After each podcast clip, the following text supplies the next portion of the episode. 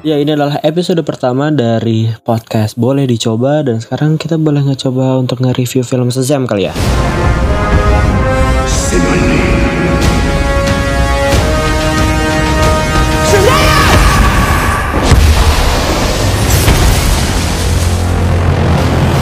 Menurut gua, film Shazam ini lebih bagus dibandingkan film DC-DC sebelumnya kayak Suicide Squad atau Superman vs Batman. Crazy, right? What are your superpowers? Superpowers, dude. I don't even know how to pee in this thing. Kalau misalnya dibandingin uh, Shazam sama Aquaman ini di dalam tahap yang lebih tinggi gitu ya dari flow flow cerita sebenarnya menurut gua permasalahan dari DC ini adalah flow ceritanya nggak jelas gitu. His name is Captain Sparkle Fingers. No, it's not. It's not my. That's not my name. Kalau contoh gue ambil contoh adalah di Suicide Squad.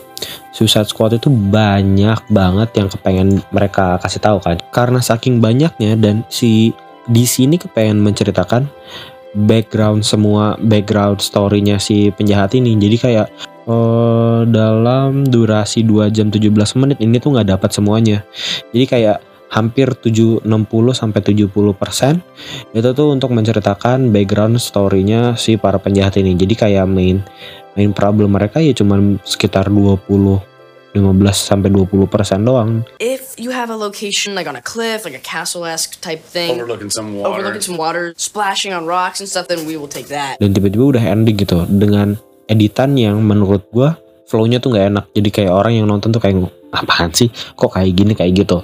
Sementara Shazam dan Aquaman adalah menurut gua dua film yang berhasil mengangkat DC dari kubur gitu ya. Kalau misalnya si eh, Aquaman yang direkturnya tuh kalau salah yang bikin James Wan, iya Conjuring, Saw, The Insid- Insidious, The Nun. Jadi dia yang bikin film-film horor itu tiba-tiba dia bikin Aquaman.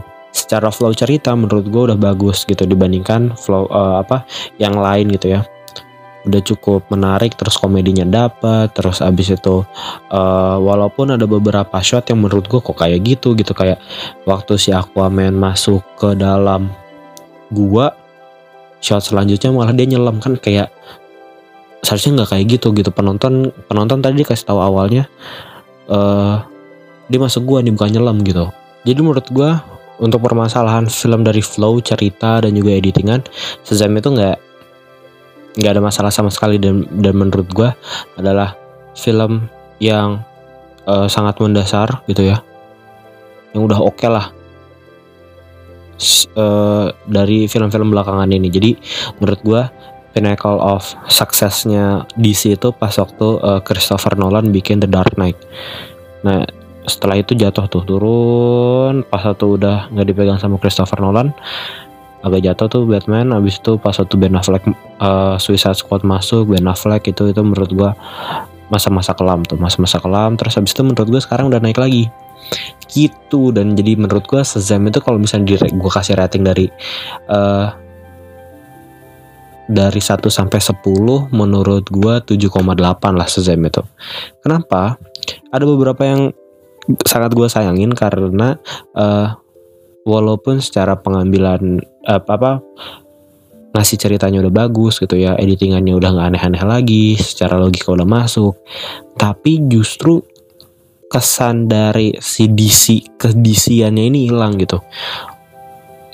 Dan ini lebih ke Marvel gitu kalau misalnya yang gue yang gue rasa sebagai penonton ya sebagai orang yang sotoy banget di sini berusaha untuk eh, menjadi menjadi Marvel untuk eh, filmnya. Ingin sesukses Marvel. Ya ya iyalah pasti ya. Secara film Marvel pasti selalu box office walaupun kayak contohnya Captain Marvel menurut gue itu jelek banget.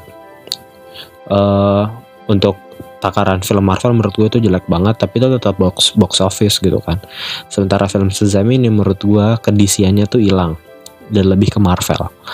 Eh bukan karena jokes-jokes yang ada di film itu bukan juga eh apa?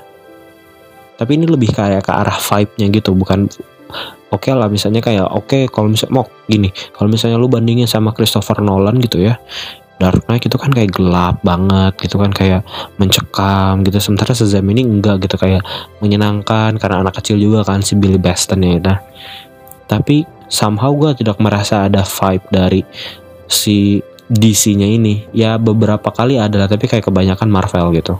Jadi gue kayak kalau misalnya di dalam taraf DC film si Shazam ini udah bagus. Tapi kalau misalnya di dalam taraf film as a whole general menurut gue ini ya sudah mulai uh, membosankan gitu lah.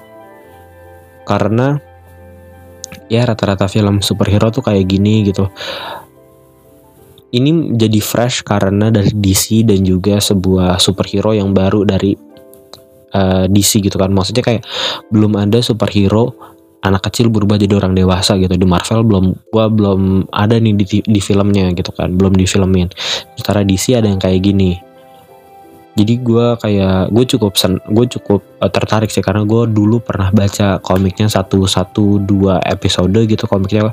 Kakak gue punya gue baca jadi gue tahu sedikit ceritanya sedikit doang di awalnya. Walaupun ternyata ekspektasi gue dibaca komik yang gue baca sama di film ini tuh beda gitu loh ceritanya. Ada perbedaan cerita. Tapi tidak menutup kemungkinan juga kalau misalnya untuk film DC ini ya ini bagus gitu. Kalau dari Rotten Tomatoes-nya aja 92%. Rating dari Facebook 4,7 per 5.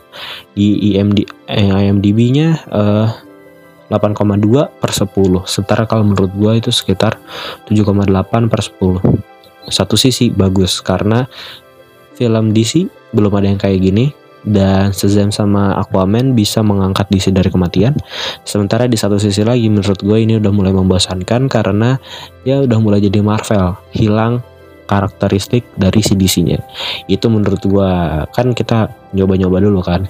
Nah kalau menurut lo gimana? Kalau misalnya lu nganggap kayak ini tuh bagus banget mok atau enggak kayak bentar bentar bentar kata lu Captain Marvel jelek menurut gue bagus. Nah lu kayak lu mention aja ke gue di twitter di @emogibran dan juga kalau misalnya lu setuju sama gue lu bisa like podcast ini bisa share podcast ini ke teman-teman lo. Semoga gue nggak mageran untuk bikin podcast dan semoga gue melanjutkan gue bikin podcast ini. Yo I thank you sudah mendengarkan